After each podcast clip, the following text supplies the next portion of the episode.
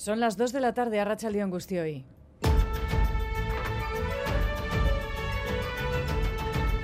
Crónica de Euskadi con Aichiber Bilbao. Oso lanpetuta baina oso, oso jokuak, dinosaurioak, bicicletak, patineteak, jostaiuak. Ya está entre nosotros esaten Olencheros, él ha visto en nuestras capitales acompañado de Mari Domínguez y el resto de séquito preparados para repartir los regalos entre los más pequeños de casa. Por la tarde, desfile en todos nuestros pueblos y ciudades. Enseguida iremos a recoger las peticiones de los niños y niñas. Hoy, después de varios días de lluvia y algo de oscuridad, ambiente inmejorable para disfrutar de este domingo prenavideño. Venimos al frontón a ver un partido, a tomar unos potes antes. Poteo navideño, estamos actualizando aquí la vida. Una que se casa, Pero hoy suave, de la Rabechu. otra gente trabaja como yo, entonces pues lo hemos tenido que adelantar al mediodía.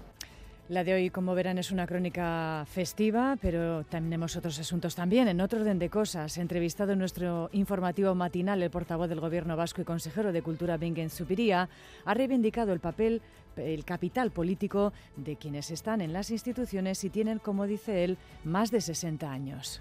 Quizá eh, hemos podido lanzar el mensaje a la sociedad de que las personas de más de 60 años eh, nos deberíamos jubilar. ¿no?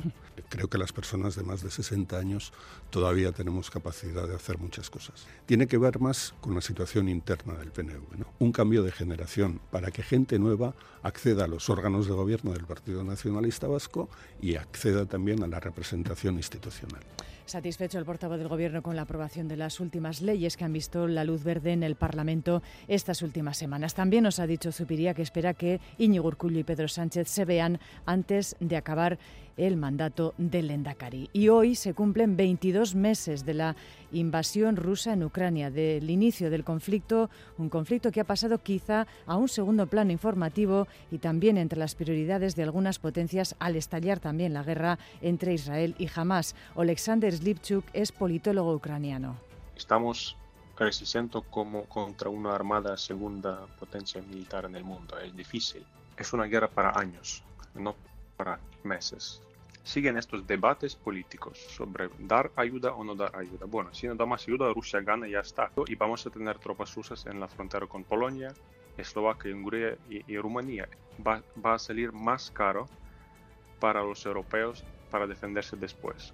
El presidente Zelensky, por cierto, que ha pedido nuevas incorporaciones a su ejército, 500.000 personas en concreto. Vamos ahora con el avance de los titulares de la información deportiva de hoy. John Zubieta, Racha León. Hola, Racha León. Empezamos por una noticia luctuosa porque Beñardo García ha fallecido a primeras horas de esta mañana.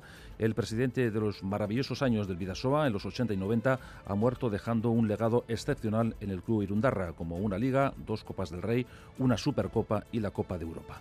En pelota, Pello Echeverría sufre una posible fractura de la cabeza del quinto metacarpiano de la mano derecha tras golpear el murete del frontón Labrit en el campeonato de mano parejas cuando hacía dúo con Zabaleta ante Jaca y Mariz Currena. Más pelota porque el frontón deportivo de Bilbao acoge esta tarde una gran cita de pala, Gaubeca Urrutia ante Fusto y Gordon por un lado y Necol del Río ante Maldonado y Alcorta por otro. Y en montañismo, Alex Chicón ya ha llegado al campo número uno después de haber accedido al campo base en su intento por ascender el Anapurna sin oxígeno artificial. Es que buscamos ahora en Euskalmet con Egusquiñe Turriot el pronóstico del tiempo para las próximas horas. Arracha León. A Racha León, durante la tarde desaparecerán los restos de nubosidad eh, que todavía hay en puntos de la vertiente cantábrica y lucirá el sol. El viento apenas se notará y las temperaturas máximas se situarán entre los 10 y los 15 grados. Y mañana, al día de Navidad, seguiremos con tiempo estable y soleado. Eso sí, empezaremos el día con ambiente frío. Helará en el interior. En puntos de Álava y Navarra las heladas pueden ser intensas. Además, se podrían formar bancos de niebla. El cielo estará prácticamente limpio, por tanto, mañana durante la mañana poco a poco el ambiente se irá templando. Mañana tampoco se notará el viento, será suave y variable las temperaturas máximas se volverán a situar entre los 10 y los 15 grados. Debido a esa previsión de temperaturas eh, bajas, tengan en cuenta que la Dirección de Atención de Emergencias y Meteorología del Gobierno Vasco ha activado para mañana y el martes en Euskadi el aviso amarillo, como decimos, por riesgo de temperaturas mínimas y heladas desde las 12 de la noche hasta las 10 horas de ambos días. Como decimos, previsión de temperaturas bajas, heladas y bancos de niebla. Sin incidencias en este momento en nuestra red de carreteras, reciban un saludo de la redacción de Crónica de Euskadi fin de semana. En el control técnico coordinan Asier Aparicio y Paula Asensio. Las 2 y 5 minutos comenzamos.